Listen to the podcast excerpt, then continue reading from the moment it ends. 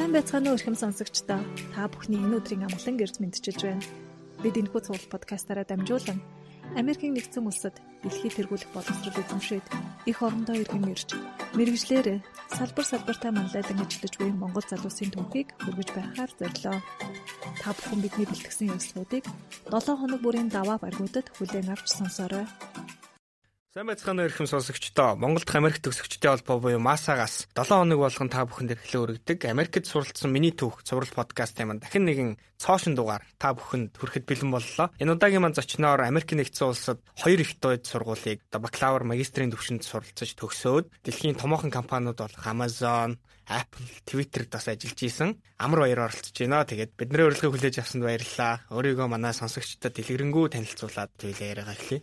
За энэ подкастыг сонсож байгаа бүх хүмүүстээ өглөөний мэнд төргий хайгуу гоё цоглог танилцуулга орж ирлээ шүү дээ. Хоолойны үг гэсэн. Тийшээ сонсоод айгуу гоё тийм ирч хүч орчлоо баярлаа. Тэгээд намайг Амар баяр гэдэг Америкийн нэгдсэн улсад Dickinson-ы их сургуульд бакалавра Computer Science гэдэг мэргэжлэр төгсөөд за магистра Iowa мужид байдаг Maharishi-гийн менежмент их сургууль гэдэг сургуульд бас Computer Science-аар төгсөөд за Америкт ерөнхийдөө нийт 2006 оноос хойш сурч ажиллаж амьдарч байгаад 2018 оноос хойш бол ер нь Монгол руугаа ирсэн мэдээллийн технологийн салбарт бол ажиллаад 13 жил болсон байна.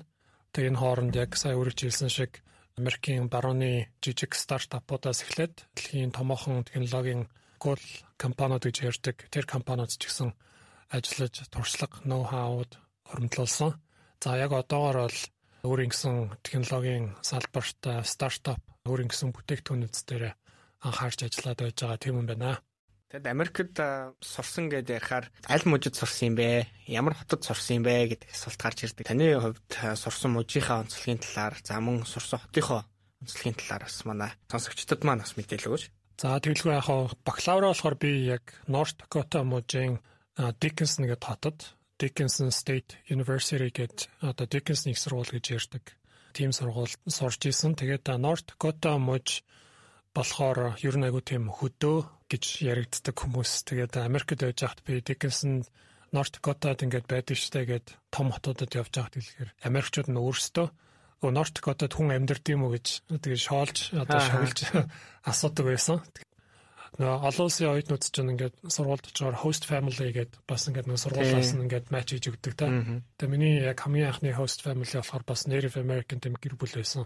Тэг гэрт нь очоод тав дахь ч юм амралтын өдрүүдээр очоод хоолонд идээд янгот яг нөгөө соёлынхоо юу гэдэг нь өвөл уламжлалыг ингээд хадгалаад үлдсэн нөө dream catcher гэдэг гэл. Ингээд юм нөгөө дээрээс ингээд дүүжилдэг юм уу гэл тэ тиймэрхүүнүүд нас ингээд зөндөө байдаг байсан. 2006 онд ч нөгөө онгоцны буудлын дээр гэрийнхэн хамаатан садан гаргаж өгөөл тэ зүгээр Америк өндөр байшин тэ өстой ингээд баах юм бодцоо очсон чи ерөөсөө ингээд уул ус жоохгүй жоох нь өндөр байшин жоохгүй хамгийн өндөр нь манай кампусын нэг 4 давхар үлээ 5 давхар барилга байдаг. Аа. Тэгэл айгу аачис яг Америкт ирж жоохон нэрч өгöd. Тэгэхээр айгу тийм онцлогтой тийм муж хот бол байсан. Магистрийн хувьд болохоор Iowa мужид. Тэгэд Iowa болохоор бас ер нь жоохон тийм хөдөө талдаа. За тэгээд Iowa муж яг North Dakota гот бол миний хувьд бол одоо зэрэглэл агсан. Арай жоохон том гэдэг мэдээж New York, San Francisco, Chicago, Utah, Seattle тэднийг бодлол хаанж өрөхгүй одоо нэг тийм өндөр хөгжилтэй гэдэг утгаараа. За Fairfield гээд бүр жижигхэн хотод Dickinson-с жижигхэн хотод очисон мужин гайгүй зэрэглэгсэн ч хот нь зэрэгэл буурсан гэдэг шиг. Тэгээд Fairfield гэдэг хот болохоор айгүй онцлогтой. Тэгээ манай сургуультай бас айгүй уялддаг л та. Ягдвал Maharishi University of Management гэд хүмүүст хэлэхээр чи над чинь энтиг сургууль юм уу шашны сургууль юм уу гэл. Тэгээ нэр нь ерөөхдөө жоохон энтиг талдаа шүү дээ. Тэгээ Maharishi гэж сонсонгууд яг тэгдэг. Мэдээж яг түүх гарал нь бол бас тэр нэг гэрцэн хүн явж байгаад ер нь боловсрал гэдэг бол бас юм одоо эрүүл саруул оюунтай байж боловсралыг аягүй сайн хүн өөрөө шингээж авч чаддсан байна. А тэгэхээр бясалгалтай хослуулъя, цагаалтай хослуулъя гэх тийм концепт дээрээс л үнэлж гарч ирчихсэн. Тэгээд тэгэхээр яг тухайн одоо Fairfield гэд хотод болохоор дандаа нэг яг юм бясалгал ярьсан, эрүүл хоол ярьсан нэг тийм арай жоох өөр орчинд очиждаг. Тэгээ хот нь өөр аягүй жижигхэн тийм яг л чи тэнд очиод бяслаг, цагаан хоол ид хичээлэл хий өөр ерөөсөө нэг тийм distraction анхаарал сарниулаад энтэнд ч шоудаад яваад байх ч юм уу тийм ямар ч юм байхгүй. Тэгэхээр яг өөрийгөө вакуумжуулаад гэтээ ирүүл байгаад гэдэг тийм айгүй тийм онцлогтой хотод бас магистра хийж сорсон да. Тэгэхээр нөгөө Америкийн их сургуулиудыг одоо 3 ангилаад байгаа жижиг том дунд гээд оюутныхын тооноос шалтгаалаад 2000-аас бага байх юм бол жижиг 2000-аас 15000 оюутантай байх юм бол дундаж 15-аас дээш ихэр чи баг аймгийн хэмжээний хотын хэмжээний сургууль болоод ингээ өөрчилж байгаа. Дид бүтсэн ч гэсэн илүү томроод. Тэгэхээр манай подкаст сонсож байгаа хүмүүс маань ч гэсэн сургуулаа сонгохдоо ерөнхийдөө ямар хууг сонгох юм. Том сургуулиуд бол бас нэг асуудлууд нөгөө профессорууд нь оюутнуудаач таньдгүй зүгээр нэг тийгээд тоо явж идэг баг нэг student number явж идэг. Жижигхэн сургуулиудын хувьд профессорууд нь бүх оюутнуудаа таньдаг Тэд нартайгаа судалгаан дээр ажилладаг. Бас их гоё ойр дотн тим төгссөн сурагчдаагаа их ойр ажилладаг. Ажил төрөлд ороход нь бас дэм болдог. Тэгээд ийм гоё боломжууд их байд юм байлээ. Тэгэхээр манай сонсож байгаа хүмүүс маань ч гэсэн магадгүй Америк руу төлөвлөж байгаа бол бас хаана байдаг, ямар сургууль гэдгийг маш сайн судалж явал зүгээр гэж хэлмээр байна. Тэгээд манай Education USA Монголд байгаа цор ганц албан ёсны зөвлөгөө мэдээлэл өгдөг хөтөлбөр гэж ойлгож байна. Ийм байгаа. Тэгээд яг Америкт сурсан түүхийг аваад үзэхээр яалтчгүй л нөгөө хүүхэд наснаас нь бүр ахлах сургууль 10 жилийн сургуулаас нь эхлээд ярих шаардлагатай болж байгаа. Тэгэхээр яг Америкт сурхаас өмнө хаан сурж ив. За тэгээд үргэлжлүүлээд одоо яаж явж байгаа Диккенсны их сургууль бакалавра хийхээр байгаа. Тэр түүхээсээ асуулцаж. Би яг эргээд харахаар сургууль айгүй сольж сурсан тийм түүхтэй юм байлаа. Тэгээд тухайн үед ягаад ч юм дгүүрөө тоолдгоо, анзаардгоо Гэтэ жил болгон л шин сургууль нэгддэг. Тэгэл ягаад ч юм мэдгүй шин сургуульд очиж сорин өөргөө сорин гэж аавч хоёр ч гэсэн боловсралд айгүй анхаардаг хүмүүс. Тэгээд айгүй тэгэж сордгол байсан байла. Тэрнээс дахиад жоохон цаг хугацаа ухраагаад бодох юм бол барьцааны сангийн аж ахуй төрсөн. Бүр баг нас хүүхэд нас гэдэг юм бол баян шунд өнгөрсөн. Тэгээд хот руу орж ирээд 31 дугаар сургууль, 1 дугаар сургууль, орчлон олонлог, шин Монгол тэгээд бүр ахлах сургуультай Пош руу нэг явж ирээд эргэж ирээд оюуны тулга гээд ингээд ингээд харангууд нийт 10 жилээ төгсгөж 7 сургууль баг дамжиж сурсан байдаг.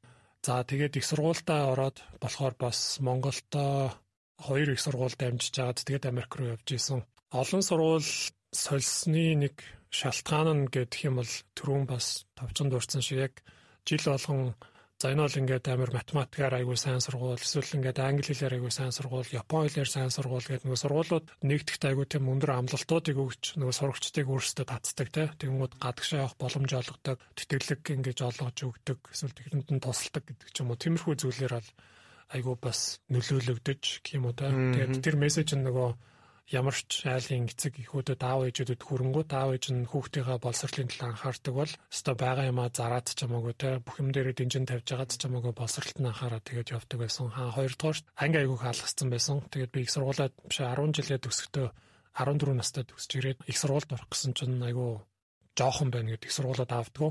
Тэгээд тоод MIU гэдэг одоо нэг Mongolian International University гэдэг тэр сургууль болохоор окей заавыг гэдэг. Тэгээд орж исэн байдаг. Дараа нь ТИС рүү шилжээд ТИС рүү шилжиж байхад болохоор герман инженерийн бэлтгэл гэж орж исэн. Тухайн үед тэр чинь 2005 он гэхэд уул уурхай бол Монголд ирээдүй юм байна.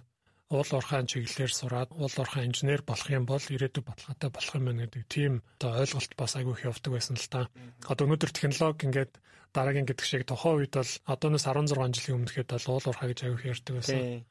Тийм тэгээд явж исэн германы инженерийн бэлтгэл болохоор сурчаад герман руу яг уулуурхай инженерээр гэж явдаг байжгаад технологитой ягаад ч юм дэггүй нойрхон байдаг гэсэн багасаа гэрт бас нэг юм компьютер аваад өгсөн. Тэгэд манайх тэр компьютер дээр янз янзын веб хийгээл уралдаанд ороод шагнуулаад гар утсан моц авч байгаа нэг Skype нэг мангар том юм тоосох шиг утсан байдаг байсан. Тухайд Тэгэл тийм утас муцаар шагнуулан ууц чинь би ч гэсэн нэг юм технологи сурчмаар санагдал хасаа үлгэр дуурайл аавна. Тэгээ байжсэн чинь нэг өдөр Америк руу явах юм боломж байна. Глобал өдөртөгч сан гэдэг юм байгууллага Монголоос оюутнуудыг явуулж ин тэтгэлэгтэй юм байна.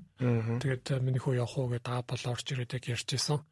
Тэгээд тухайн үед одоо нөгөө интернет орно гэдэг нь өөрөө асуудалтай. Янз янзын нөгөө хүмүүсээс пассвортыг гуйж авч иж гэрээсээ нөгөө компьютерийнхоо том компьютерийнхаард модем залгаж иж айгүй удаан ингэж интернет орохоор хүн өөрөө тэр нөгөө хаана ямар тэтгэлэг байдаг сургууль байдаг тэр мэдээллийг олж авах аюу хийцүү. Тэгэнгүүт нөгөө нэг эцэгчүүд нь хүмүүстэй уулзаал гадуур яваал тэгж мэдээлэл олж ирж чадсан байдаг аа. Тэгээд Америк руу явах боломж гараад тухайн үед бол хаана эдийн ямар сургуулийн яг яадын миний ирээдүй баталгаатай байх юмгүй гэдгийг ч мэдэхгүйгээр зүгээр Америк явна. За тэгээд э, тэнд очиод гурван төрлийн мэрэгжлийн сонголттой байна гэж ярьжсэн. Нэг нь IT, нэг нь э, computer science, нэг нь business удирдлага, нэг нь одоо юм сувилагчийн чиглэл рүүгээд. Тэгэхээр нь за за би технологи дуртай юм чинь явъя, computer science-ийн чиглэлээр нь сурыг гэд.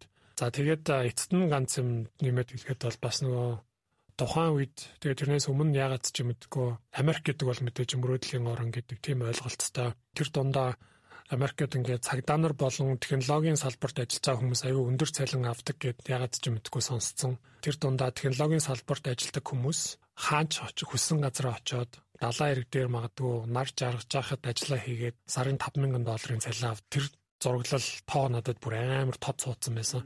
Тэгэл тэр нэг зураглал гэдэг зүйл нь бас шийдвэр гаргахад айгүй нөлөөсөн болоо л гэж үздэг. Тэр нэг мэдсэн чинь Америкт нэг Норт Дакотад очсон хаана ирчээ гэдэг байжсэн. Тэ маш гоё түүх байна. Тэгээд ялангуяа тэр нөгөө нэг IT-ийн чиглэл рүү яагаад орсон, компьютер яагаад одоо ухсан гэдэгтэй холбоотойгоор одоо болвол хүүхдүүдтэй нэг компьютер аваа өгсөн чи наадхыгаа задлаад ухсраад доторхыг хараад те хэд чидийн нүүзгээ ингээ орхидог болсон. Энэ нь одоо харахаар илүү чөлөөтэй сэтгэлгээ рүү явж байгаа. Тэгээд тэр нь ч гэсэн одоо бүх мэдээлэл нээлттэй болж байгаатай бас нэлээд холбоотой. За ингээд Америкт анх очлоо. Ер нь ингээд эргээд дурсахад лаврын төвшөнд ямар гоё дурсамжууд үлдсэн. Тэр талаас хаваалцаач. Тий, Америкт оюутан болж очсондоо бол ер нь айгүй өөрийгөө баг азтай хүн гэдэг шиг бол боддог. Ягаад тэгэхээр тэнд ер нь би туршлага, амьдралын туршлагыг өөртөө олж авсан. Тухайн үед яг тэнд таньдаг хамаатан садан байхгүй. За тэгээд яг өөрөө ганцаараа л байна. Тэгээд энэ ганцаараа энэ амжилтанд хүрүүл амжилтанд хүрэн зорилготой хүрүүл хүрнэ. А хүрхгүй болж фейлдэнтэй, фейлдлээ гэхэд зөндөө тийм хүн болгоны төсөөлөд хүсэж байх гаргүй тийм гаргалгаанууд үр дүнгууд ч хурж болдог. Тэгэхээр яг ингээд нэгсэндээ бүх юмаа динжин тавиад очсон. Цаг чамд байгаа мөрөөсө цаг л. Тэр цагийг чи зөв өөртөө зарцуулж ашиглаж чадаад юу болох вэ гэдэг ерөөсө бүх юм ингээд чамаас хамааралтай. Чгүй шүү дээ. Анхаачтай зүгээр ингээд оюутан болцсон ёо нөгөө нэг тэл англи хэл Монгол тогтоол би үрийг амар сайн англи хэлтэй гэж боддог байсан. Гэхдээ TOEFL өдр бол аягүй сайн агаагүй. TOEFL дээр чинь 525 ч лөө 30 та тэр нөгөө paper based байсан. Сургуулийнхаа оноог дөнгөж дөнгөн данган баг шаардлага нь хангуу яггүй юу л очиж исэн. Гэтэ яриа марандаа ингээл амар ихтгэлтэй ингээд очиж байхад яг очичоод би ихтэй хин юу яриад байгааг ойлгохгүй нөө чихний бүглээ гараагүй те. Тэгэл хичээл дээр сунгууд багш нарын хайрыг ойлгохгүй оюутнууд гадаад яг Америк оюутнууд хоорондоо юм яриад нээлтэнгууд яагаад инегээд байгааг мэдэхгүй бантаад нэг бол дагаад инeen те. Тэгэл ойлгоогүй ч гэсэн ингээд тиймэрхүү бас юм соёлын шокнууд, хэлний шокнуудад орж гэлж исэн. Хажуугаар нь бол мэдээж айгуу гоё тийм арга хэмжээнүүд ингээл өдөр болгон болоод оюутнуудын яадаг гэдэг клубийн уулзалт, ийм юм уулзалт, сургуулийн хөлбөмбөгийн юм тоглолт, саксны тоглолт гээл Монгол яг юм орчноос бүр шал өөр орчинд очсон. Тэгээд юм гадны хэлээр тэгээд нөгөө нэг юм бүх юм шин гэдэг утгаараа ингээл бүгдийг очиж туршиж үзэх, тэрнээс нь суралцах, асуух, мэдэх гээд одоо нэг юм оюуны төвшний хувьд бол бүх юм асуултын тэмдэг дээр тавьсан.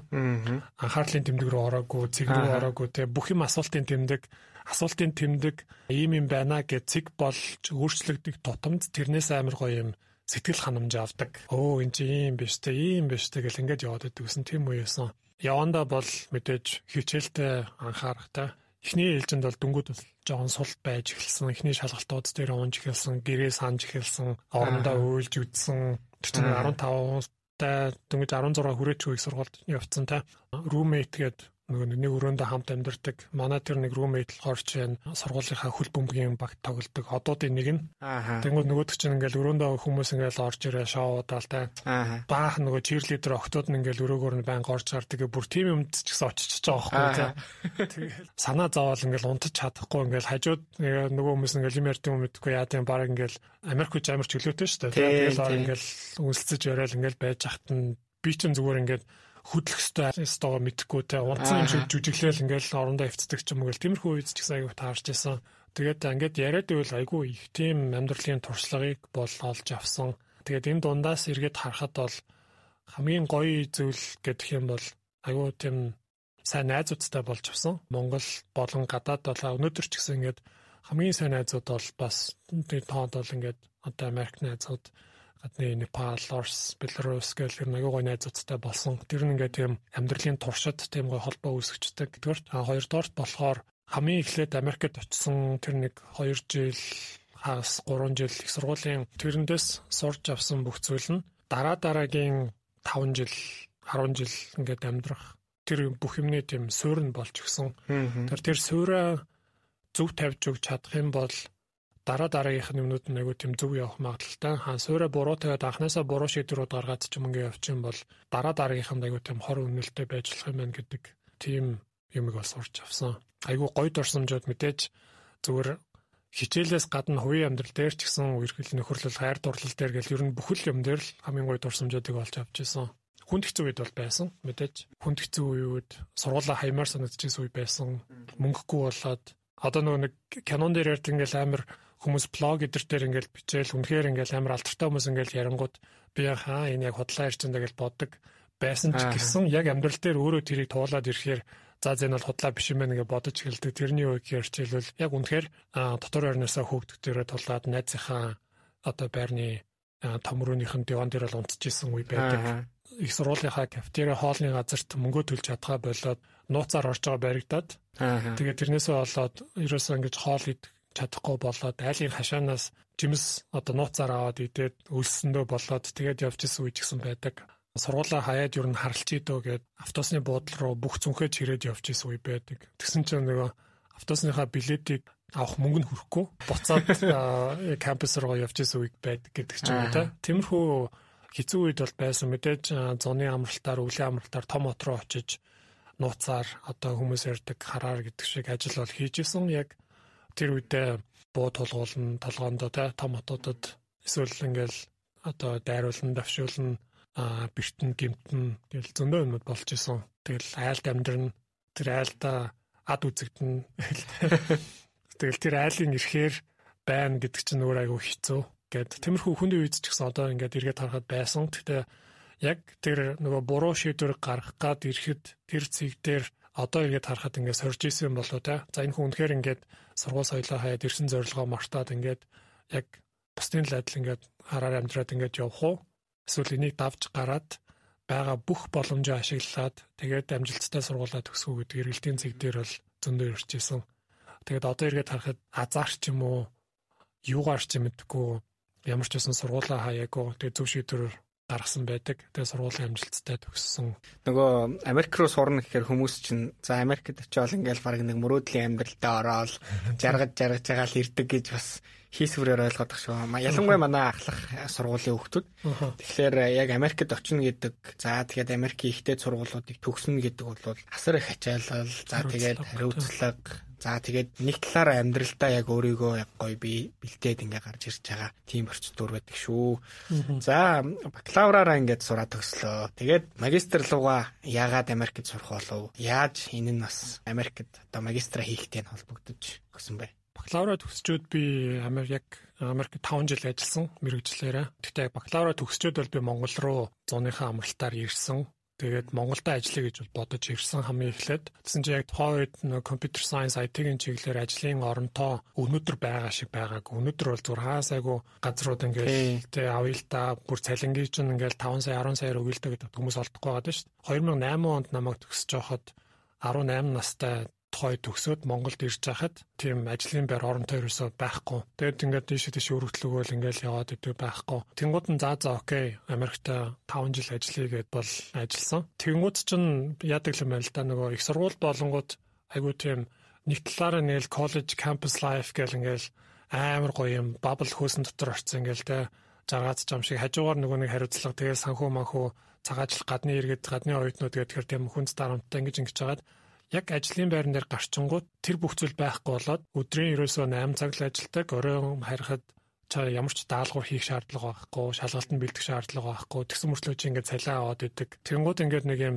шал өөр орчин руу ингээд шилжчихдэг. Тэнгууд чинь хүн чинь заа нөгөө нөгөө ширэмээр одоо байдаг бол дараа гэж жагаад дараа нь юу нь яах вэ гэж бодоод хэлдэг юм байна л да. Naturally цаанаасаа байж байгаад би болохоор тухайн үед яг тийм зочдлын захиалгын систем хийдэг тийм компанид ажилласан. За 5 жил ажиллаад одоо яста хангалттай би Америкт бакалавра хийсэн 5 жил ажилласан Монголдо очоод хоёр дахь удаага би дахиад Монголоо бодож байгаа байхгүй да. Монголдо очоод одоо зочдлын захиалгын системүүд ингээ автоматжуулаад дэлхийдээ холбооцтой баллаад үгээ Монгол руу буцаад ирчихсэн.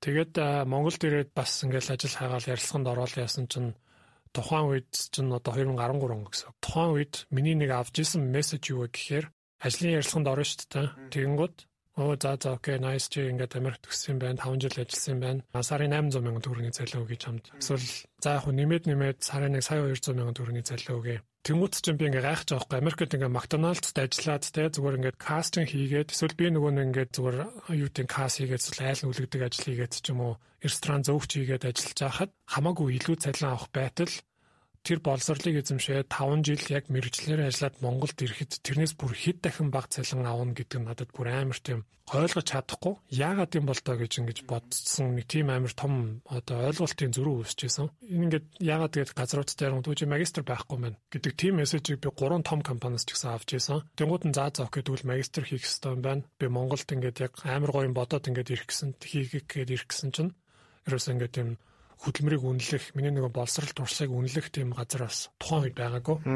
Дахиад хэлээ өнөөдөр бол байдал шал өөр болсон. Өнөөдөр бол зүгээр өстө үнэлгийг хүрээд тэр те хангалттай үед өнөөдөр бол шал өөр болсон. Тэнгуут нь магистра хийх юм байна гэд бол шийдсэн. За магистра аягүй сонирхолтой. Тэгтээ хоёр сонголтоос Америкт буцаад хийх эсвэл өөр мэдээж газар хийх. Тэнгууд би болохоор тухайд яг юу гэж бодсон бэ гэхээр за Америкт би ингээд 7 жил баруун 8 жил болчлоо. Барууны соёл юм чөлөөт нийгэмтэй зах зээл одоо ийм соёлд ингээд дасчлаа. Тэгэхээр ер нь юм зүүнний соёл бас Азийн ийм соёлыг бас суралцаад боловсролын системээр нь явуучвал дотроо баг бодоод юм шиг дэлхийн дэлхийн иргэн болох юм шиг үзэж байгаа шиг тийм.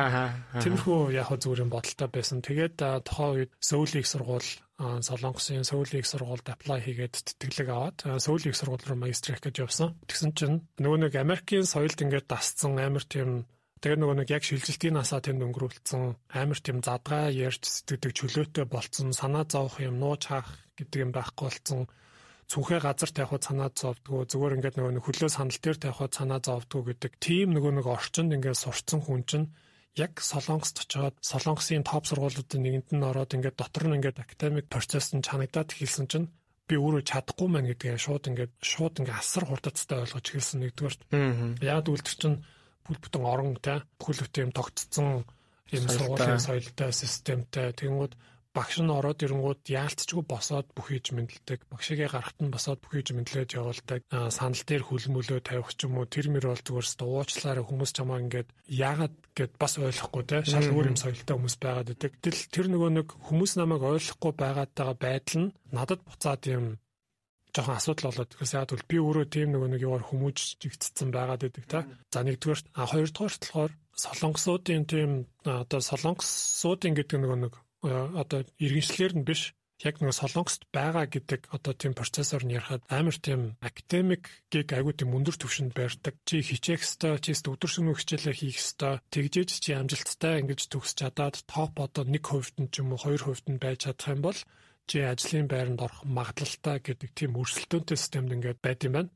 Тэгэнгүүт хүмүүс шүн 3 4 цаг хүртэл хичээлээ хийн, хагасаа бүтэн сангүй хичээлээ хийн гэд явцдаг. Би ч гэсэн чинь нөгөө ингээл өө гоё ингээл дураараа байж байгаа л те ингээл гоё хичээлээ хийгээл ингээ болцдог гэсэн чинь хагасаанд ингээл лаборатори дээр суугаал бүтэн сайн лаборатори дээр суугаал гэдгсэн чинь нөгөө түн амар тийм стресстэй болж ирлээ сүултээ. Тэгээ нөгөө нэг дотор байранд амьдрангууд хамт амьдарч байгаа солонгос оюутнууд үрийн 3 4 хүртэл хичээлээ хийгээл хажууд нөгөө нэг гомн гойтой лимас ороод гэлэнгууд би унтаж чадахгүй ч юм уу те. Тиймэрхүү болцсон 20 дугаарт. А 3 дугаарт болохоор яг солонгос хоолнд бол би дуртай. Өнөөдөр ч гэсэн аягүй хийдэх дуртай. Гэхдээ яг юм кампусын орчинд ингээд идэнгууд удаан хугацаанд амьдраад өдөр шөнөгөө солонгос хоол идэх надаас зохгүй байж эхлээд а нүр мөрөөр юм гардаг, чин хасдаг нөгөө нэг махцах идэх гэдэг хүн чинь ингээд тэ аягүй их ногоо идэх гэлэнгууд гээд. Тэгээд нэг хэсэг амар юм стрессцсэн байсан байхгүй юу. Тэгээ нэг өдөр лаборатори дээрээ сууж агаад компьютер сайенсаар бас урж исэн те лаборатори төр байжгаад Facebook ингээд ухаад байжсан чинь гинт нөгөө реклам гараад ирдэг байхгүй нөгөө Facebook-ийн спонсор тэгэл гараад ирдэг. Тэгсэн чинь тэн дээр нь ингээд амар том текстээр бясалгаад цагаал идээд Америкт магистра хийгээд тэгээд дэлхийн топ компаниудад ингээд ажиллах боломж гэх юм дөрвөн юм харагдчихдаг байхгүй юу. Би ч тэгсэн чинь нөгөө ингээд шүн унтаж чадахгүй ингээд стрессцсэн те. Хагасаа бүтэн сангүй ингээд хичээлээ хийцэн Тэгээд нөгөө нэг юм хоол унднаасаа ингээд зохгүй ингээд байжсэн чинь зүгээр тэр дөрөв юм нэг текст зүгээр надад тийм авралын нэг тийм дөрөв үг шиг харагдаж байгаа байхгүй тий. Тэгэл ягаад ч юм мэдгүй би яг тухайн үедээ шууд дараа л орсон чинь Maharishi University of Management гэж байсан. Ээж ингээд сонирхчвал apply хийгээ. Яг тэр үедээ би шууд application бөглөөд явуулаад тэгэл ерөөсөө тэрнээс эхлээл ерөөсөө бүх юм нэг сарын дотор баг шийдэгдсэн баг. Америк руу визэнд ороод Maharishi-гийн University of Management гэдэг тэр сургууль руу за магистр хийх гээд ирсэн да. Тэр үнэхээр бол зүрх хүртэл үүддэг болсон байсан. Би тэр нөгөө нэг юм айгүй их ачаалттай ингэж ажилласнаас болоод тэгээд яг тэр нөгөө бясалгал мэсгал нь бол бас зөгчл байсан л та. Тэгээд нөгөө зүрх үүддгөө болсон. За тэгээд цагаан хоол идээд хичээлээ хийгээд тэгээд одоо эргээд харахад бол яг тэр магистрт тэр шийдвэрийг гаргасан нь бол миний яг энэ нөгөө карьерийн хувьд одоо нөгөө бакалавр өдрийг ярихаар магадгүй дараагийн зүгээр юм амжилттай амьдрах survive хийх гэл тэрэнд бол нөлөөсөн гэдэг шиг магистрийн хувьд миний энэ гаргасан шийдвэр болохоор миний карьерийн хувьд асар тийм том эргэлтийг ирсэн. Яа тэгвэл энэ сургуулийг төгсөнгуудаа олон газар ярьслаа гэж бод Amazon гэдэг хамгийн том тэр технологийн том ертөнц рүү ингэж хөл алхах боломжийг бий болгож гисэн. Тэрээс хоошоо бол карьер бол ингээд бас ер нь нэлээд амжилттай сайн байсан. Хүмүүсийн бас түгээмэл асуудаг нэг асуулт байдаг л да. Америк төгсөгчдөөс сургалтын төлбөрөөр ер нь яаж санхүүжүүлсэн юм бэ гэдэг. Таны хувьд бакалавр магистр Америкт төгссөн. Тэгээд энэ хоёрын одоо сургалтын төлбөрөө ер нь яаж хөжилж ийсэн. Дээрээс нь бас жоохон нэмэлт тайлбар хийхэд тэр Америкт тэр ажиллах процесс нь яаж өрнөж ийсэн. Яг хууль ёсны дагуу ажиллаж ийсэн баг тийм. Тэгэхээр тэр талаар нь бас тодруулаад бид манай подкаст ер нь энэ талаар ер нь өмнө яригдж байгааг баха. Яг ямар хуу процесстэй яаж яадгийн одоо ажилтгийн. Өмнө нь Харвардыг төгсөж исэн Тука Эрдэнэ тулга а зүгээр нэг open webinar дээр манайхтай нэг тийм яриа хийж байхдаа мэдээлэл өгчсэн. Тэрнээс өөр бол мэдээлэл өгж байгаагүй учраас энэ подкастаар бас энэ талаар нэлээ ойлголт өгье гэж бодож байна. Тэгээ тэгээ би бас яг нөгөө карьерийн хувьд, ажлын хувьд гэдэг юм бол бараг л Америкт нөгөө гадны оюутан очоод байж болох ажлын зөвшөөрлүүд авдаг баг бүх процессор нь яваад үтцсэн баг. Яг энэ 10 хэдэн жилийн турш. Тэгэхээр бас энэ талаар гайгүй туршлагатай болохоор энэ мэдээллээс бол хуваалцъя гэж бас бодлоо төлбөрийн хувьд гээд эргээд гэлс ороход бол бакалаврын хувьд бол айгүй тийм struggle бол байсан. Мэдээж сургуулаас нөгөө нэг тэр чин 60% тэтгэлэгтэй гэдэг болоо 70% тэтгэлэгтэй гэдэг болоо. Гэхдээ тэр нь яг зөвхөн tuition-с гэж явдаг. За энэ нөгөө подкастыг сонсож байгаа хүүхдүүдээс мэдгүй байж магадгүй гэж бодох юм бол Америкийн нөгөө нэг сургалтын төлбөр чинь tuition and fee гэж явдаг да. Tuition гэдэг бол яг сургалтын төлбөр. А тэгээ fee дотроо болохоор нөгөө нэг одоо илүү room and board гэж задардаг. Тэр нь дотор байр байх уу, хоол байх уу, босод нөгөө нэг нэмэлт юм activity-нуудад ингээд нэмэлт төлбөр төлөх үү гэдэг ингээд задраа авчдаг. Тэгэхээр зөвхөн tuition-ийнх нь ийм тодорхой хувийн тэтгэлэг авч исэн. А үлдсэн нөгөө нэг tuition-ы одоо нэг 20 байна 30-аад хувь. За тэгээд нөгөө fee-г нь дотороор хоол моол гэдэг зүйлүүд бүгдээр өөрөө төлөхөөсөөр аргагүй байсан. Тэгэхээр миний хувьд бол tuition-ийнхаа үлдсэн 20-30% болон fee-г бол өөрөө гарахаас ор аргагүй. За тэгээд ямар ч хүүхдээ олж байгаа аав ээжнэр бол бүх юм зараад нөө зээл тавина уу. Зээл авна уу тэгж жагаад бол ихний тодорхой хугацааг нь бол даагаад тэрнээс цаашаа өөр өөргөө авч явна шүү гэдэг. Тиймэрхүү бол байдлаар тэгэнгүүт ерөөсөө л за ажил хийх хэрэгтэй юм байна. Кампус дээр олдвол ажил хийн олдохгүй бол одоо жинхэнэ тэгэл араар ажил хийдгсэн ч яа гэсэн ч. Тэгтээ хажуугаар нь бас голч дүнгээ өндөр бариад тэтгэлэг хөөцөлтөн сургууль дээр тэтгэлгүүд зөндөө өгдөг.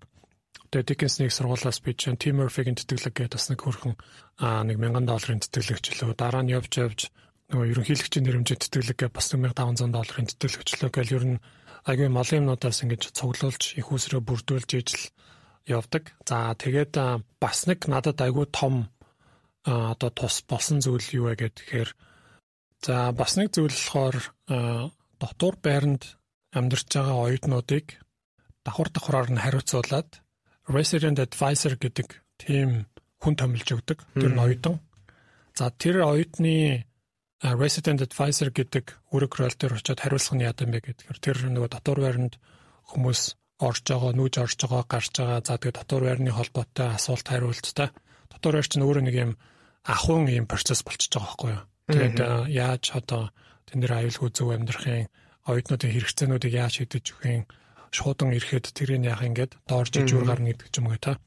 Айгүй өрсөлдөөнтэй энэ одоо сонгогдоход а гэтээ энэ сонгогдож чадах юм бол дотоороор хоолой чинь өнгөө сургуулаас санаас нь дагаад өгчдөг. Тэгэнгүүт би яг энд өрсөлдөж ороод тэг сүүлийн нэг жилийнхаа бол байр хоолойг бас өнгөө болгож чадчихсан.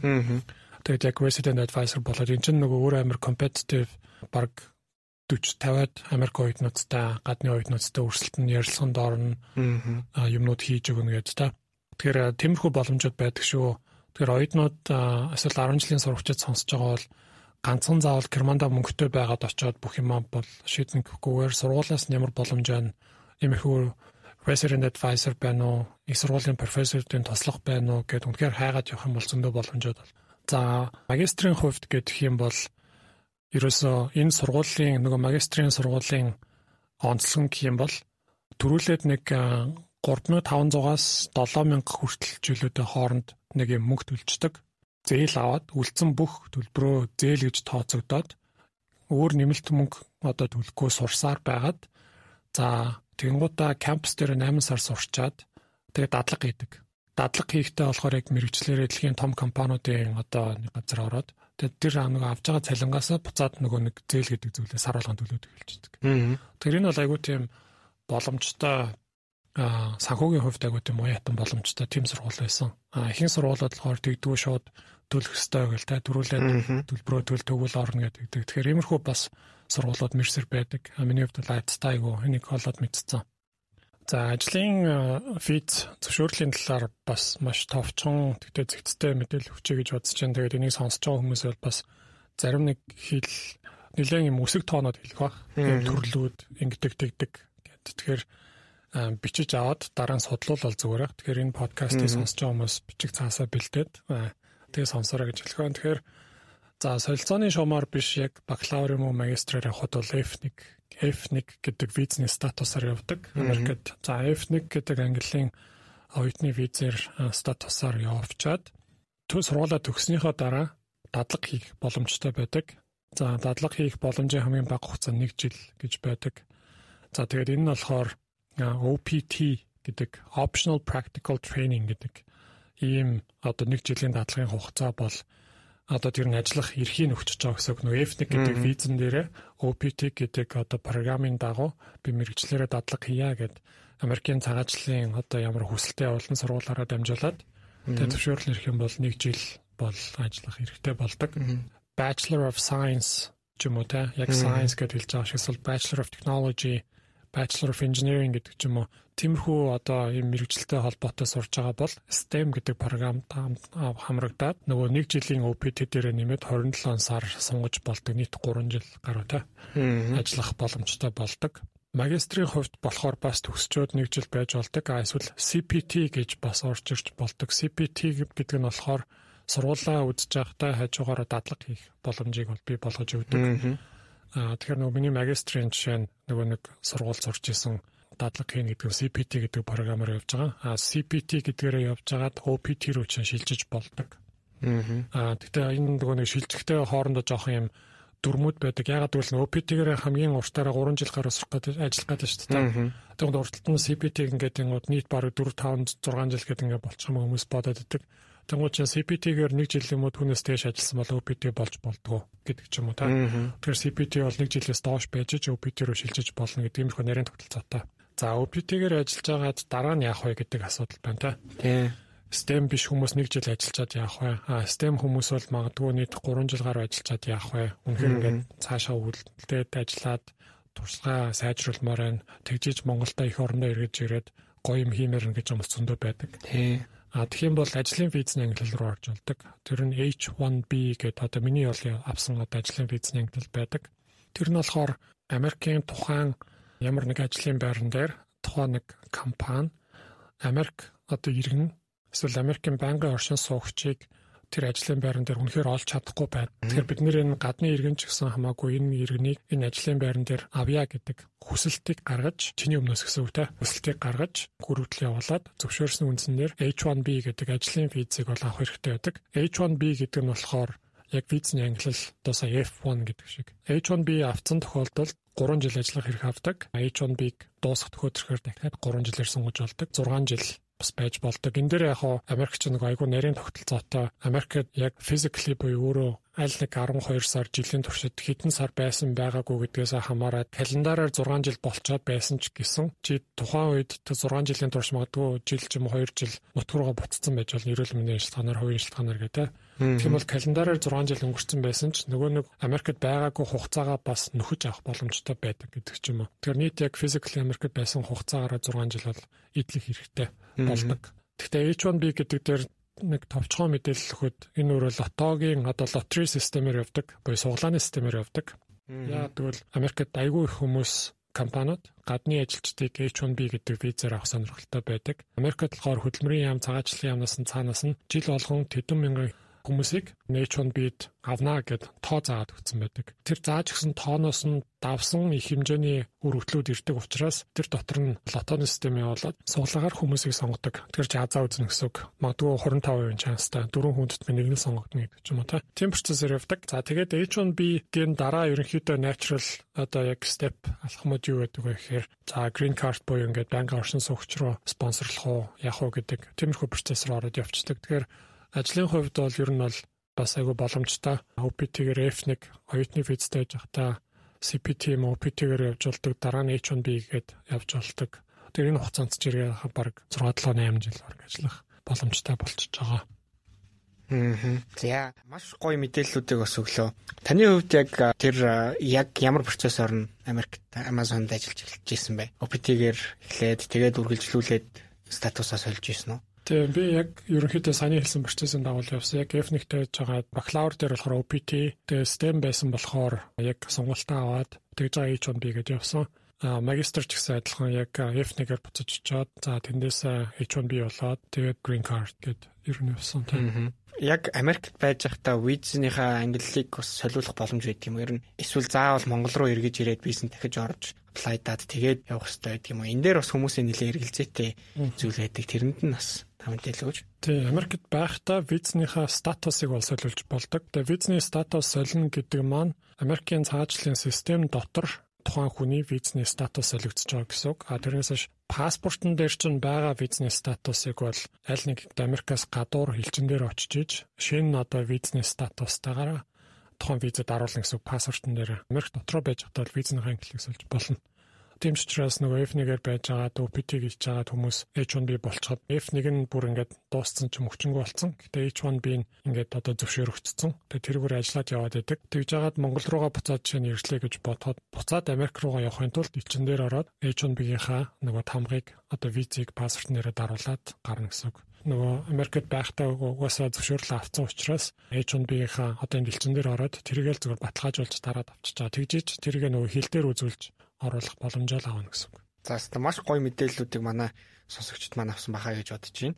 Америкт сурж байхад мэдээж маш олон сайхан дурсамжтай үеуд маш олон л тохиолдож байгаа. Тэгээд тэр Америкт сурж явах үеийн сайхан дурсамжаас авсан. Болцооч.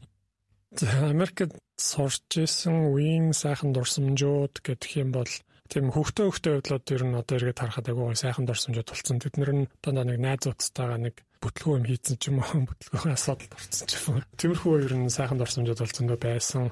Миний хувьд яг өнөөдөр надаас тулгараад байгаа юм. Тэгээд би нэг Америкт бодож байсан юм ингээд эргээ бодохоор нэг юм зүр фаны хэн ч юм уу хайшин зүр нэг тийм бас нэг зүр дурсамж яг одоо санаанд орж байгаа юм гэдэг юм бол би хамгийн анх Америкт яг нөгөө төгсөх семестртээ бакалавртаа нэг машин авч исэн 250 доллараар. Тэгээд тэр машин болохоор 1985 оны Buick гэдэг одоо брендийн Park Avenue гэдэг машин юм нөгөө араагаа ингээд өрүүлнийгээ хажуудалд ингээд сольдог. Тэгээд нөгөө нэг яг юм Canon дээр болохоор юм харууд нөгөө нэг яг тийм машин тавьчаад харталтаа ингээд мангар том спикер тавьчаад нөгөө дуу нь ингээд дэшээ тошоо бомбалцаад идэх шиг тийм машин худалдаж авчихсан байхгүй юу. Тэгээд нөгөө зарсан хүн нь болохоор чи нэг хурдны зам дээр битээ авч гараараа гэдэг тэгжсэн. Тэгээд би нэг өдөр үлсөөд Макдоналдс орох гээд тэгээ нэг найз найзаас олох цайлаа Макдоналдс орж бүрээр авч тэгээд нөгөө эргэлтээ буруу хийсэн чинь хурдны зам руу гарчдаг хог. Тэ хурдны зам руу гараараа гэдээ явуулсан чинь тэгээ хурдны зам руу яхаарахгүй гарцсан.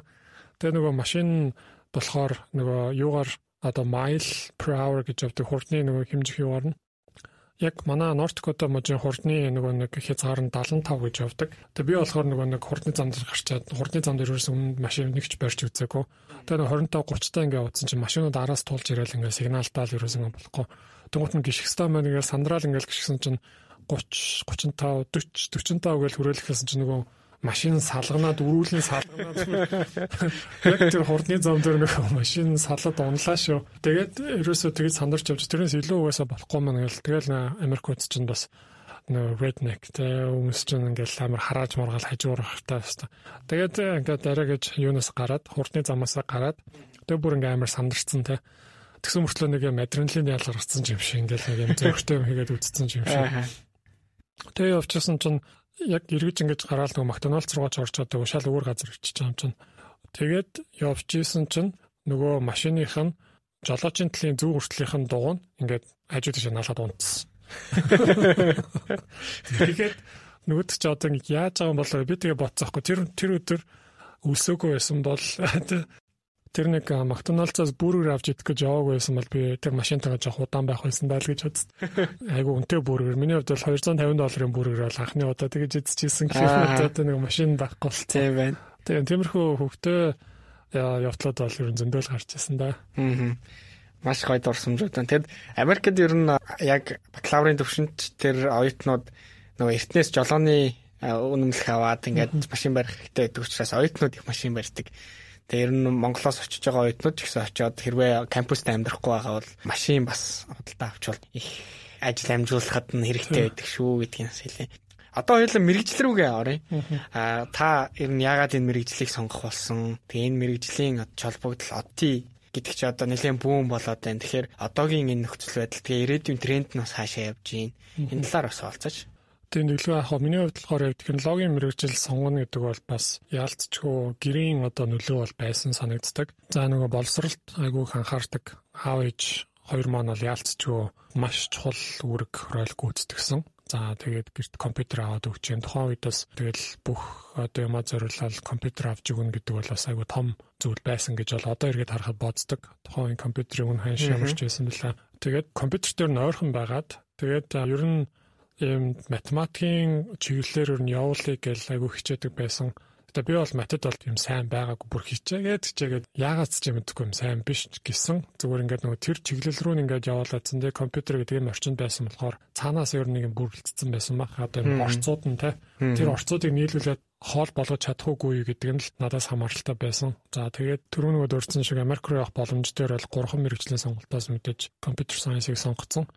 Тэгээ компьютер сайенс сонгоод мэрэгжил сонгоод хичээлээ үзээд эхэлсэн чинь надад таалагдаж эхэлсэн. Тэр бол айгүй том нөлөөлөх үйл зүйл байсан баг. Энэ мэрэгжлийг цааш нь сонгох уу яах вэ гэдэг. Айгүй олон оюутнууд мэрэгжил сонгочоо болдог. Мэрэгчлээ сольдог.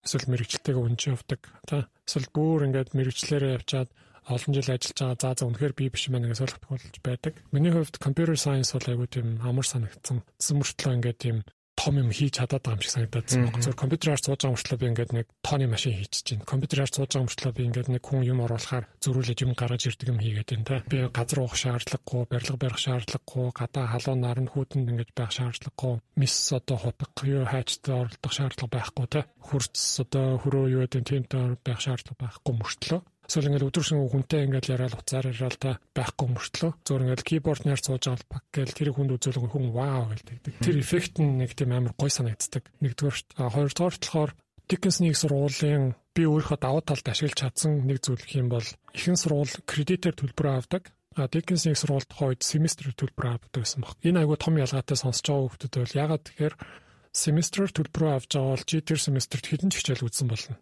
Яад үл чи нэг л тогтсон төлбөр төлдөг. Тэгвэл би семестртээ нийт авч байгаасан кредит хэм бол бүр 27, 28, 30, 31 кредит ингээд авчдаг. Тэр нь баг 7, 8, 9 хичээл ч юм уу те.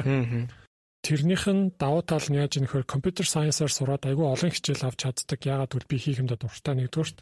А хоёрдугаарт даалгаврууд нь айгүй тийм хөнгөн одоо юу гэдэг нэг юм түүх хичээл бизнесийн удирдлага шиг ингээл баахан бичиг цаас уншаал судалгаа хийгээл буцаж юм репорт тайлан тавих шаардлагагүй кодо бичээл баг даалгавар өгөл дуусчдаг те. Тэгэхээр тэр нь бас айгүй тийм амар байсан.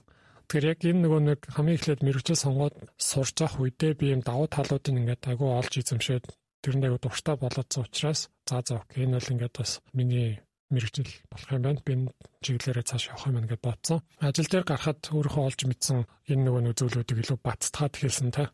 Яг л ажил дээр очиход 8 цаг ажиллаад гэртээ харахад би ажлын талаар дахиад бодоодох шаардлага байхгүй. Яг цагтаа ма хийжлэл болох юм байна гэдэг. Тэгээд яг тухайн үеэс болохоор нөгөө нэг 2008-аас 13 онд бас яг заавал өдөр болгон офис дээр очихгүй хаяа нэг гэрээсээ ажиллах мэжлах ч юм уу тиймэрхүү үе гарах үеийн боломжууд бий болоод эхэлсэн. Тэгээд өнөөдрийн нөгөө нэг пандемикээс болоод гэрээсээ ажиллах, зайнаас ажиллах, дижитал номад гэдэг энэ концепцууд тийг багуугаар ингээд амсч хэлж ийсэн.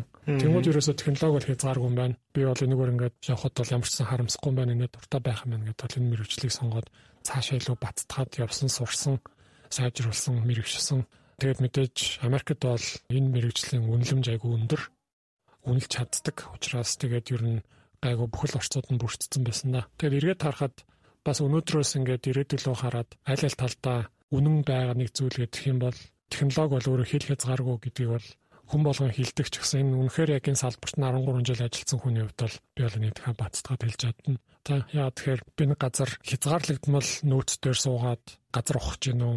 Байшин нэг юм хязгаарлагдмал талбай дээр байшин барих гин үү? Эсвэл зам тавих гин үү? Та гих биш.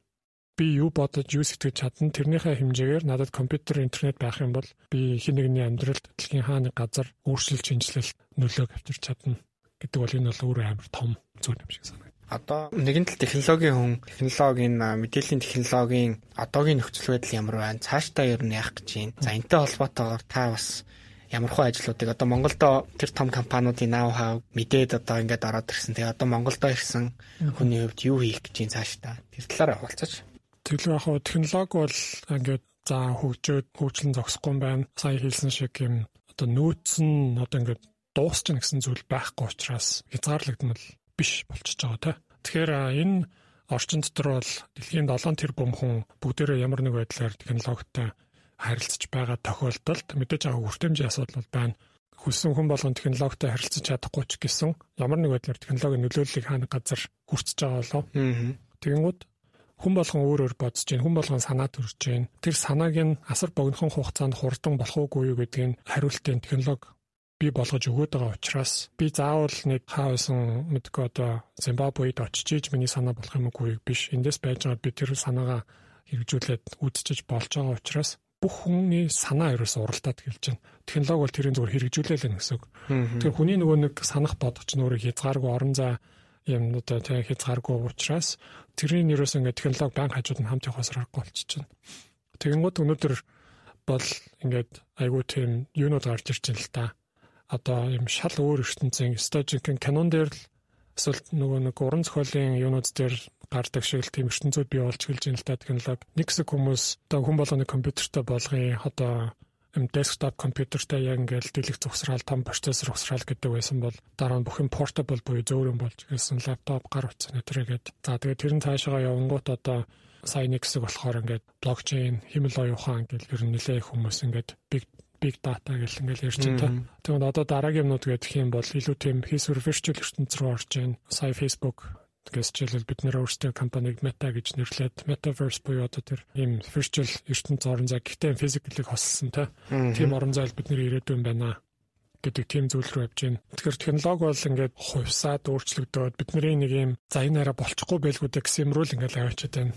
Хиймэл ертөнцид хүмүүс танилцдаг болно, хэмэл ертөнцид уулздаг болно, хэмэл ертөнцид заавал хамт байж гэсэн үг биш. Тэгээ юм дундын virtual одоо юм хийсвэр ертөнцид нүдэндээ ленз зүүн үү, шил зүүн үү, эсвэл юм том AR VR-ын девайс зүүн үү. Тэгээ гутаа шал уур газар очин тэр дотор хүмүүстэй харилцсан амьдрын тэрэн дотор эдийн засаг эргэлзэж чинь бизнес хийж болно хүмүүстэй танилцсан хувийн харилцаа үүсгэн юм хөдөлж аван зарна гэдэг тийм зүйл рүү бол ингээд яхахгүй явж байна. Тэгэхээр энэ технологийн өөрчлөлтөд бид нар бэлэн байх уу үгүй юу гэдэг бол бас айгуу сонирхолтой. Энийг гүйцэж ойлгож судалж чадах уу гэдэг нь айгуу том бас сорилт болчиход байна. Тэнгүүд би 13 жил яг энэ салбарт ажиллаж байгаа ч гэсэн миний хувьд судлах хурд ч гэсэн гүйцэхгүй байгаа. Тэгэхдээ энэ олон болж байгаа зүйлд алинд нь илүү сонирхолтой бай, passionate байна уу гэдэг зүйлээ барьж аваад тэрнийхээ араас явах нь хувь хүний зорилго болохоос болж байгаа бүх юмны ингээд орой нь байгаад сонсоод мэдлэгийг хуримтлуулад байх нь бол миний хувьд тийм кайфтай биш.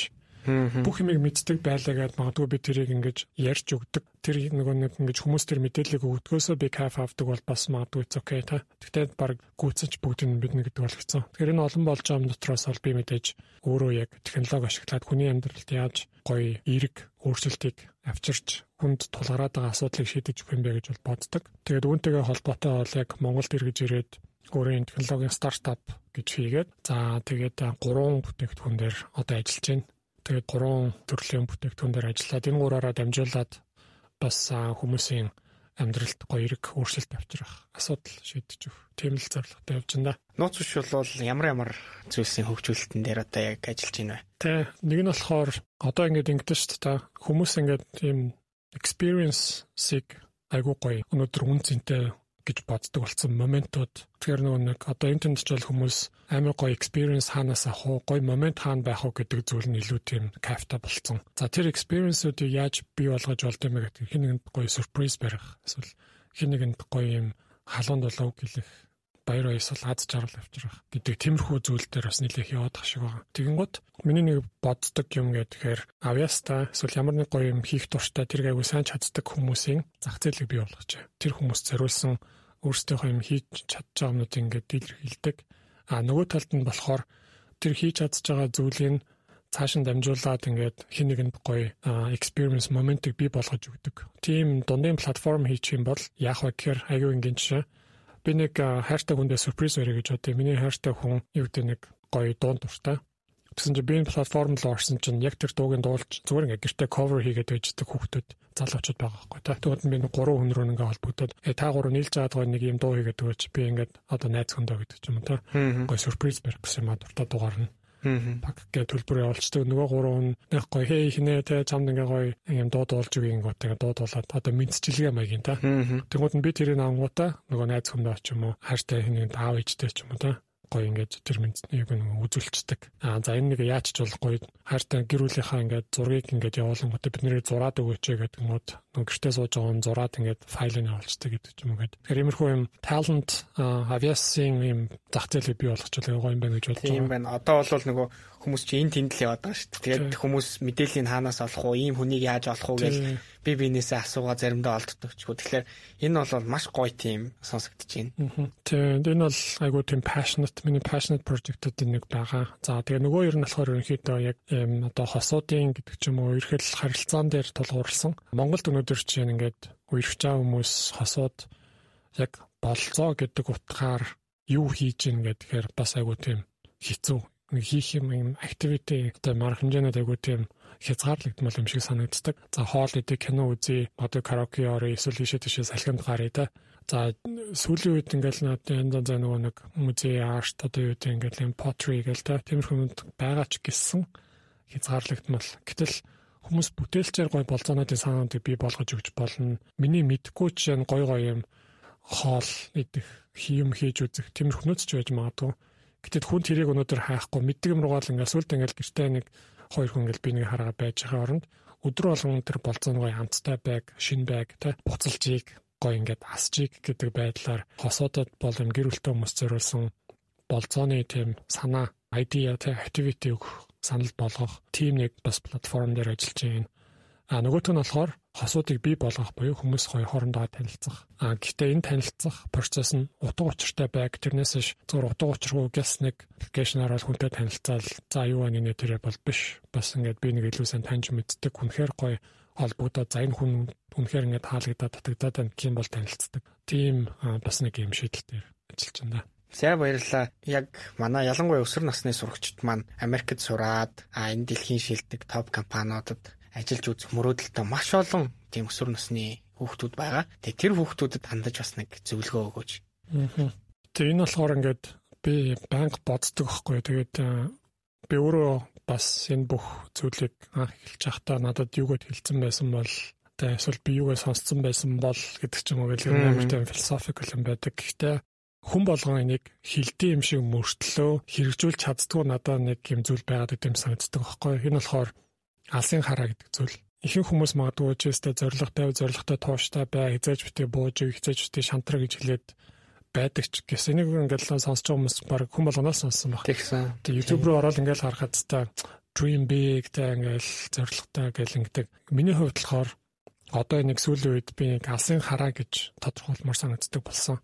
Тэгэхээр би алсын хараатай байгаарэ гэж бол энийг сонсож байгаа бүх хүүхдүүдэд хэлмээр байна. За алсын харааг тэгвэл хараатай байгаарэ гингүүд хүн сонсчоод юу гэсэн ч үгүй те яг ингээд цонхороо ингээд хол харах юм уу гэдэг тэгдэг. Тэгэхээр яг сая та нар яг тэгж бодсон аа. Тэгэхээр би тэрэнд зориулаад бас нэг ганц нэмэд хэлж гэж бодсон. Би яг өөрөө нэг туршиж үзсэн болт юм байна. Би нөгөө нэг түрүүн ярианыхаа туршаад хэлжсэн шиг Америкт технологийн салбарт ажиллахад 70 хэрэг дээр нар жаргаж байхад би ажиллаа ихэд сарын 5000 доллар гэд би одоо эргээд бодоход тэгэхэд надад нэг тийм алсын хараа шиг юм тогтцсон байсан байгаа даа байхгүй юу. Айгу гүн суудсан тэр зураглал тэр төсөөлөл Би яг өөрийгөө тэгж байгаа юм шиг төсөөлсөн байхгүй юу. Зүгээр тухайн үед би юм шинжлэх ухаан, psychology, хүний тарих яаж хөдөлдөг, alpha, beta wave-уд ингэж яадаг та. Хүний ухамсар, далд ухамсар яадаг гэдэг гэж юм мэдэхгүй шүү дээ. Зүгээр надад санамсаргүй тийм тохиолдсон. Тэр зураглалыг би бий болгохын төлөө ингэж явсаар агаад яг эцэстээ үнэхээр би далайн ирэг дээр очиод ажиллаа хийгээд нар жаргаж байгаа сууж исэн. Коктейл шимээ сууж исэн та. Тэр мөчөд очиход би яг дан гэдэг ингээд юм тархин дотор ингээд юм хонх дуурдаг баг тий. Өө эн чинь миний 10 хэдэн жилийн өмнө ингээд бодоо төсөөлж исэн юм ингээд одоо би илжлээ штэ. Тэгэхээр яг цаагаараа ингэж явсаар хагаад ямар ч зэн хүрд юм байна. Тэгэхээр энийг сонсож байгаа хүмүүс яаж хэрэгжүүлж болох вэ гэхээр энийг яг над чиг санамсаргүйгээр ингээд зүгээр юм одоо тийм алсын хараач гэдэг вижн зураглал ингээд суудсан хүмүүс байж магадгүй. А гэтээ нэг бид нэр өөрсдөө амьдрал дээр практикаар бий болгож өгч болно. Энэ шинжлэх ухаанаар батлагдсан. Тэгээ энийг яах вэ гэхээр одоо юу гэдэг Америкт нэг ийм сургуульд очиж сурмаар гэд бодож байгаа. Эсвэл дэлхийн ийм том компанид ажиллаж үзмээр ингээ бодож байгаа. Эсвэл би өөрөө ийм стартап байгээд ингээд ингээд амжилттай бизнес болмоор ингээ бодож байгаа. Эсвэл ийм дэлхийн өдөртөгч болмоор ингээ бодож байгаа. Эхлээд ингээд бодонгууд амир ичмээр санагдана. Би яавал гэж эсвэл хүмүүс чи яавал гэж гэлтэй. Тэр юусэн хамаагүй зөв өөр өөртөө яриад хамгийн чухал нь чи өөрөө яг тэндээ хүрсэн байгаагаар өөрийгөө төсөөлчих. Яг тэр их сургуульд очиж байгаа чи сургуулаа төгсөөд дипломо гартаа гар дээр авч явах үедээ чи ингээд бүр өөрийгөө төсөөлөөд дипломо авч ийн би гараад ингээд тайзан дээр үг хэлж ийн хэрвээ ч үг хэлж исэн бол ямар үг хэлж явах вэ гэдэг бүр бич баярлаа те ингээд энэ хүртэл хамт байсан аав ээжтэй баяр хамаагүй амар тэнэг санагдна эхлээд. Хатлын хамгийн том компани ингээд ажилд орж байгаа бол ингээд нэг хэдэн жил ажилласан те. Би ингээд одоо Google, Facebook, Amazon, Apple-д ингээд ажиллаа дараа дараа гэдэг. Яг бүр өөрөө төсөөлөө дотор нь ороо тавьчих. Тэгчээд дахиад хэлхийн амар тэнэг юм шиг санагдана. Гэхдээ тэгэх юм бол нөгөө нэг тэр vision гэдэг зүйл чинь бүрдэх гэдэг шүү дээ. За нэг удаа ингэж бол хангалттай юм уу үгүй. Дараа нь энийг яах вэ гэхээр давтамж болгоно давтамж болох нь яах вэ гэхээр одоо нэг юм далд ухамсараа цемент гэж бодчих цаа. Хүний далд ухамсарыг нэг юм цемент гэж бодчих. Хаяал ингэж яг ухамсарт юм үйлдэл рүү ч ингэж хаяа нэг юм гаргаж ирж бодоолаад байдаг юм гүн юм далаач юм гэж бодчих. Тэгэхээр энэний доошоогоо юм шингээж өгөх тусмаа тэр чин чамайг цаанаас нь хүссэн хүсээгүй тэр зүрүү чинь ингээд хөтлөөд байдаг. Тэгэнгუთ хүн далд ухамсарлуугаа хизээ ингэж мэдээ мэдээлэл энэ юмыг ингэж илүү оруулж өгч чаддсан байх гэхээр шинжлэх ухааны судалгаатайгаар хүн өглөө дөнгөж босоод нүдэ нээж авах үед эсвэл орой яг унтахаас өмнө гэж байгаа байхгүй. Энэ болохоор хүний нөгөө нэг тархины давлгаа ингээд нөгөө wave ингээд юм нэлээ ингээд юм сул болоод ингээд ирдэг. Тэгэхгүй одоо хоёлаа ингээд подкастн дээр ярьж байгаа үед би амар vision ингээд бодоход бол далд хомсорлоо хийж орохгүй байхгүй. Хаад бол хоёлаа хамгийн идэвхтэй юм нөгөө нэг оюуныхаа юм дээр ингээд тавьчаад шүү дээ. Яриа л та. Тэнгууд нөгөө нэг төсөөлцөн зураглаа өглөө дөнгөж зэрэгтэй бодоод нэг инээч. Өөрөө яг унтахаас өмнө нөгөөдөө дахиад бодоод инеч. Тэгэл энийг ингээд автаад хийгээд. Энийг ингээд автаад ингээд хийгээд гингууд эн чин дал тухамсарлуу ч орчин. Дал тухамсарлуу оруулж чадсан тохиолдолд яах вэ гэхээр бодит амьдралд яриад өгөхөр би өнөөдөр уцаа хараад жишээ нь мэдхгүй одоо юу гэдэг талбайгаас одоо хаашаа чинь Шангрилаар руу ч юм уу. Уц руугаа би харж явсараа нэмэгдэд очсон байдаг те. Хаа нэг зам алт бол ингэж харчаад гэтээ би уц руугаа харсаар бол очсон байдаг. Тэр юу вэ гэхээр талд ухамсар намайг тэгж хөтлөөлж чадаад байгаа. Яг бол би тэргээр аягүй олон явцсан тэр замаар. Тэгэхээр нөгөө нэг юм гүрэн мэдгүй мөрчлөө талд ухамсар намайг одоо энэ тийм байгаа шүү, юм байгаа шүү ингээд зүгээр яваад. Тэгэхээр бид нар нөгөө нэг өөрсдөө мөрөөдлийг талд ухамсарлог оруулаад чадчихад яг л чи нэг утас руугаа харсаар байгаа А цэгээс Б цэг рүү гинт очсон байт юм шиг. Чи өнөөдөр байгаа үеэсээ тэр өөрийнхөө төсөөлж байгаа ирээдүрөө буюу Б цэг рүү нэг л мэтгэд очсон. Би чин сэтгэл чин сэтгэл санаа чин одоо бүх зүйл чинь чамайг тийшээ хөтлж чадна. Тэгэхээр тэр vision гэдэг зүйл, далд тухамсар гэдэг зүйлийг одоо алсын хараа гэдэг зүйлийг би болгоорой. Өнөөдрөөс амар тэнэг санагданд би जैन гэхдээ бити санаа зов яа тэгвэл тэр бол зөв зүйл. Тэгээд эцэст нь гэд хэлэхэд нөгөө тэнэг санагддаг юм гэдэг дээр хэлэхэд хүмүүс жишээлбэл аав ээжтэй ч юм уу гэрийнхэндээ хайртай гэдээ хэлгээд амар хичээ санаа зовоо тэнэг санагдаад байдаг гэдэг шиг. Тэгэхээр миний бодлоор бас тийм хамгийн эрүүл тийм нандин зүйлүүд бас тийм жоохон тэнийг санаа ичмэрч юм шиг санагддаг байж магадгүй. Тэгэхээр яг тэрнтэй адилхан vision гэдэг зүйлээ би болгочих. Тэрний чинь тэрэнд чинь чамайг далд тухамсарч өргөж чаднаа л гэж хэлээ да. За гой зөвлөгөө өглөө.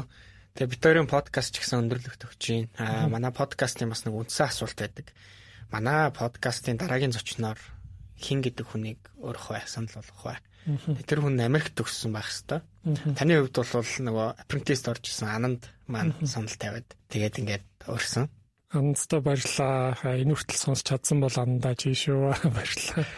За тэгээд миний хувьд болохоор магадгүй зүгээр яг манай бас аягүй сайн найзуудын нэг. За Maryland-д бас сураад төгссөн одоо айгүй амжилттай явж байгаа мундаг дүлгөөн гэдэг охин байгаа. Тэгэхээр би дүлгөөн гэдэг найзгаа санал болгоё гэж бодож байна. Тэгээд цаад чинь бас яг юм хүний нөөц, recruiting тэгээд хүний юм одоо psychology ярилцлага за тэгээд яаж юм negotiation хийж одоо хилцээр хийх үү мэхөө гэдэг тиймэрхүү яг мэрэгжлийн тал дээр сонирхолтой юмнууд мэдээллүүдээс оюутан залуучуудад агай хөөх болоо. Америкт мэдээж амжилттай байхын тулд эсэ бичгээс хоолаад тэтгэлэг авах ажил дээр гарахад дандаа тийм хилцээрүүдэд орох шаардлагатай болдог, шийдвэрүүд гарах шаардлагатай болдог. Тэгэхээр тэр чиглэл дээр нь бас айгүй үнцэнтэй мэдээ мэдээлэл туршлага өгч тохиоллоо гэж бодож байна. За маш их баярлалаа. Бид нар тэр хүнтэй холбогдоод бас боломжтой байвал подкастынхаа дараа дараагийн зочноор өрөх олон. Тэгээ бид нарын урилгыг хүлээж аваад сонсогчдод маань үнэтэй сайхан мэдээллийг өгсөн танд маш их баярлалаа. Тэгэхээр цаашдынх нь ажил үйлсэд өндрөөс өндөр амжилтыг хүсье. За баярлалаа. За баярлалаа. Дараагийн подкастаар иргэн уулзлаа. Түр баяртай. Америкийн нэгдсэн улсын засгийн газраас санхүүжүүлдэг Education USA Mongolia хөтөлбөрийн хэрэгжүүлэгчээр Монгол дахь Америк төгсөгчдийн холбоо ажиллаж байна. Та Америкт ихтэй сургалт хэрхэн суралцах тухай цогц үнэн зөв мэдээллийг үн төлбөргүй авахыг хүсвэл Education USA Mongolia хөтөлбөрийн боловсролын зөвлөгөөдөд хандаарай. Бидэнтэй холбогдох хүсвэл www.masa.org-ийн цахим хуудасаар хандж болохоос гадна Facebook, Twitter, Instagram дээр Education USA Mongolia дагаарай. Ирэх даваа гарагт иргэн уулзлаа түр баяртай.